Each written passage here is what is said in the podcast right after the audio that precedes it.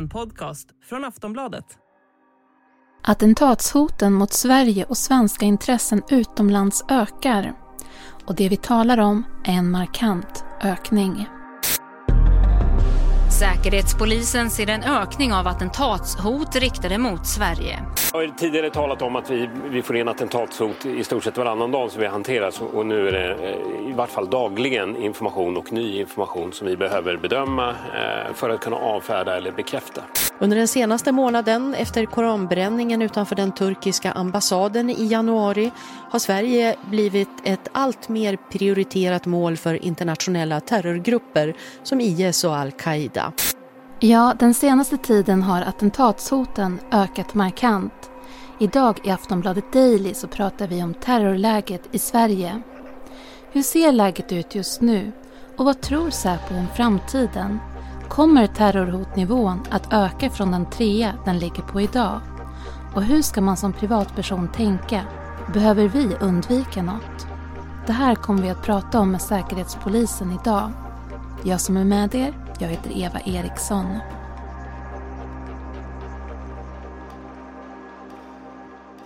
Dagens gäst här i Aftonbladet Daily är Susanna Trehörning, biträdande chef för kontraterrorism på Säpo. Det vi har sett är att det är ett besvärligt omvärldsläge just nu. Vi har invasionen av Ukraina, men vi har också ett läge som har pågått under en längre tid. Bland annat så har det funnits en del påverkanskampanjer som har riktat sig mot Sverige, där Sverige framstår som ett antimuslimskt land och där socialtjänsten framförallt har blivit utsatta för den här kampanjen.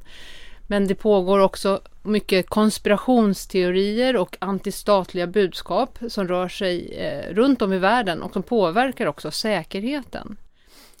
Därtill så har vi den senaste tiden sett en markant ökning av antalet attentatshot som riktar sig mot Sverige och svenska intressen utomlands. Och det har ju framförallt varit efter den senaste tidens koranbränningar, eh, men det har också varit andra manifestationer som väcker väldigt mycket reaktioner runt om i hela världen.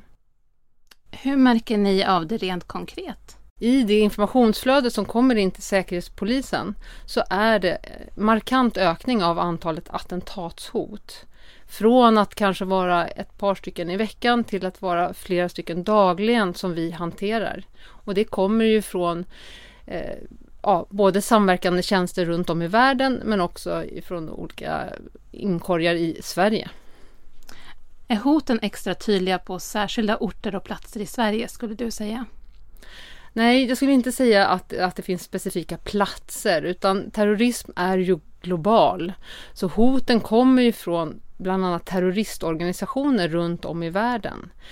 Eh, och därför är också hotet och var det kan ske är ju också på något vis globalt och det är därför också kan påverka till exempel svenska intressen utomlands. Går det att liksom hitta exakt vad är det som gör att det ökar just nu? Nej, men vi såg en markant ökning i samband med koranbränningarna som var i Stockholm i slutet på januari.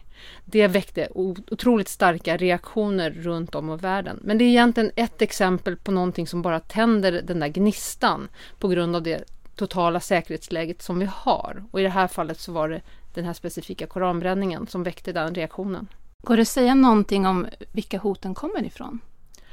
Ja, det är de terroristorganisationer som vi känner väl till sedan innan och som riktar eh, sina hot mot Sverige. Mm.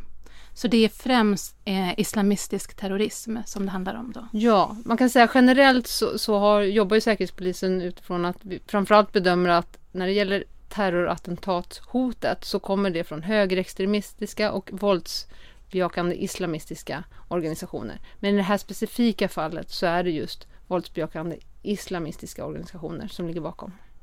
Vad görs för att hantera läget just nu? Nu, man kan säga att trycket mot Säkerhetspolisen och mot andra myndigheter i Sverige som jobbar med de här frågorna är ju högt just nu. Så vi har gjort allt vi kan för att möta det här. För det är inte så att man kan lägga ett hot och låta det vänta till imorgon utan vi måste nu jobba väldigt, väldigt intensivt med att upptäcka och också bedöma den informationen som kommer in fortlöpande. Så vi har intensifierat vårt arbete och också vår samverkan med de nationella och internationella partners som vi har. Hur går det till när ni tar emot ett, ett hot? Jag menar, ett hot kan komma till Säkerhetspolisen på flera olika sätt. Det kan vara från eh, utlandet, från internationella partners som informerar oss om att ett hot finns. Det kan också komma från olika inhämtningsmetoder som Säkerhetspolisen använder. Det kan vara källor, det kan vara tips, det kan vara teknisk inhämtning som gör att vi får information om att någon faktiskt planerar ett attentat. Sen därifrån så behöver vi bedöma, är det här, tror vi att det här är på riktigt om man ska uttrycka sig så eller kan vi avfärda det? Och det jobbar vi intensivt med så det är mycket som vi kan avfärda direkt inledningsvis men mycket behöver vi också jobba vidare med för att se om det finns en aktör som har avsikt och förmåga att begå ett terrorattentat. Hur är det då att navigera informationen om hot som kommer in? Är det lätt att avgöra vad som är ett rejält hot? Vi ska strax prata mer med Susanna Trehörning här på Aftonbladet Daily.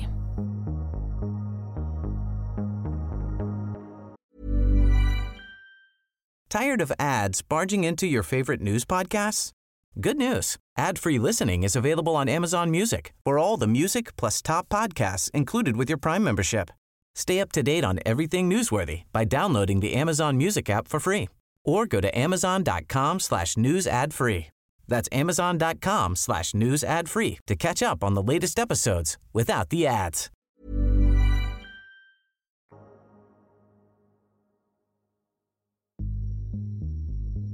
Ja, hur är det att navigera informationen om hot som kommer in? Är det lätt att avgöra vad som är ett reellt hot? Så här säger Susanna Trehörning. Ja, men vi har ju väldigt erfarna och duktiga medarbetare som jobbar med det här. Det det vi gör varje dag. Så det är klart att vi har upparbetat en kunskap och en erfarenhet av att snabbt kunna bedöma information. Men det är ju förstås svårt också, för informationen är ju oftast inte så fullödig, utan det är en liten informationsbit vi får och där vi behöver börja lägga ett pussel för att i slutändan se, finns det ett rejält hot här? Något som nämndes i en intervju är hotreducerande åtgärder som görs om ett hot bekräftas. Vad innebär det egentligen? Det kan vara väldigt olika saker, men det handlar ju om att om Säkerhetspolisen bedömer att det faktiskt föreligger ett konkret hot, då behöver vi agera så tidigt som möjligt. Då vi väntar ju inte fram till eh, ett nära förestående attentat, utan vi försöker kliva in tidigt. Och det kan vi antingen göra till exempel inom ramen för en brottsutredning eh, och de tvångsmedel som finns med det. Men vi kan också göra det med samtal och andra åtgärder. Jag tänkte vi ska kolla lite framåt. Ehm, hur tänker du kring hotbilden framåt? Det är någonting som vi måste bedöma fortlöpande. Eh, det är väldigt svårt att se. Det vi ser idag i informationsflödena och också den här koranbränningen var ett exempel på är hur snabbt det kan växla från en situation till en annan. Så att de här bedömningarna måste göras fortlöpande. Mm. Men vi ser också historiskt att när vi har haft kränkningar av islam, som uppfattas som kränkningar av islam, så kan det också hänga kvar väldigt länge ett form av hot utifrån den kränkningen. Är det någonting särskilt som ni ser behöver göras för att säkerställa säkerhet i Sverige just nu? Men I Sverige så har vi idag en förhöjd hotnivå vad gäller terrorattentat. Och det är en trea på en femgradig skala och det har vi haft under flera års tid. Så många åtgärder är redan vidtagna i det svenska samhället och vi har en bra upparbetad förmåga skulle jag säga generellt. Och inte minst skulle jag säga Säkerhetspolisen i samarbete med polisen. Så då är frågan, hur ska man då tänka som privatperson?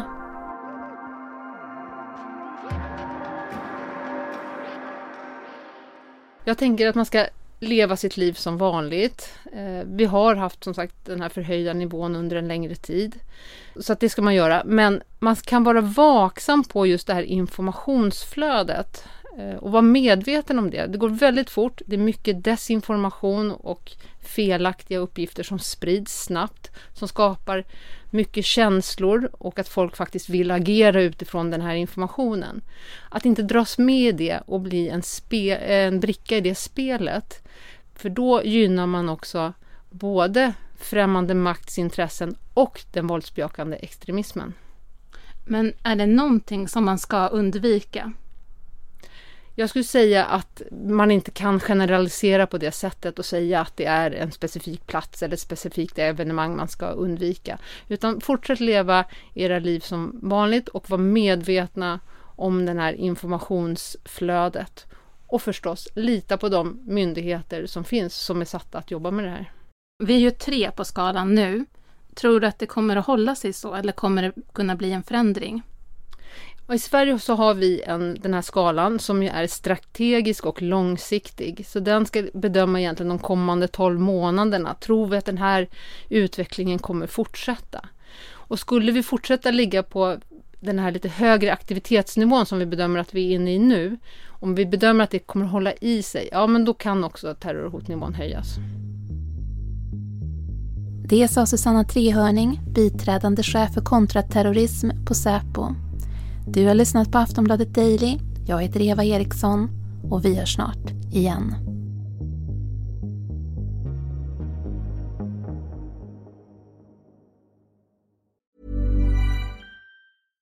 Want flexibility? Take yoga. Want flexibility with your health insurance? Check out United Healthcare Insurance Plans. Underwritten by Golden Rule Insurance Company, they offer flexible, budget friendly medical, dental, and vision coverage that may be right for you. More at uh1.com.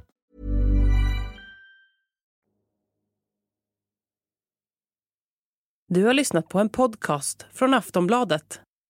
Ansvarig utgivare är Lena K Samuelsson.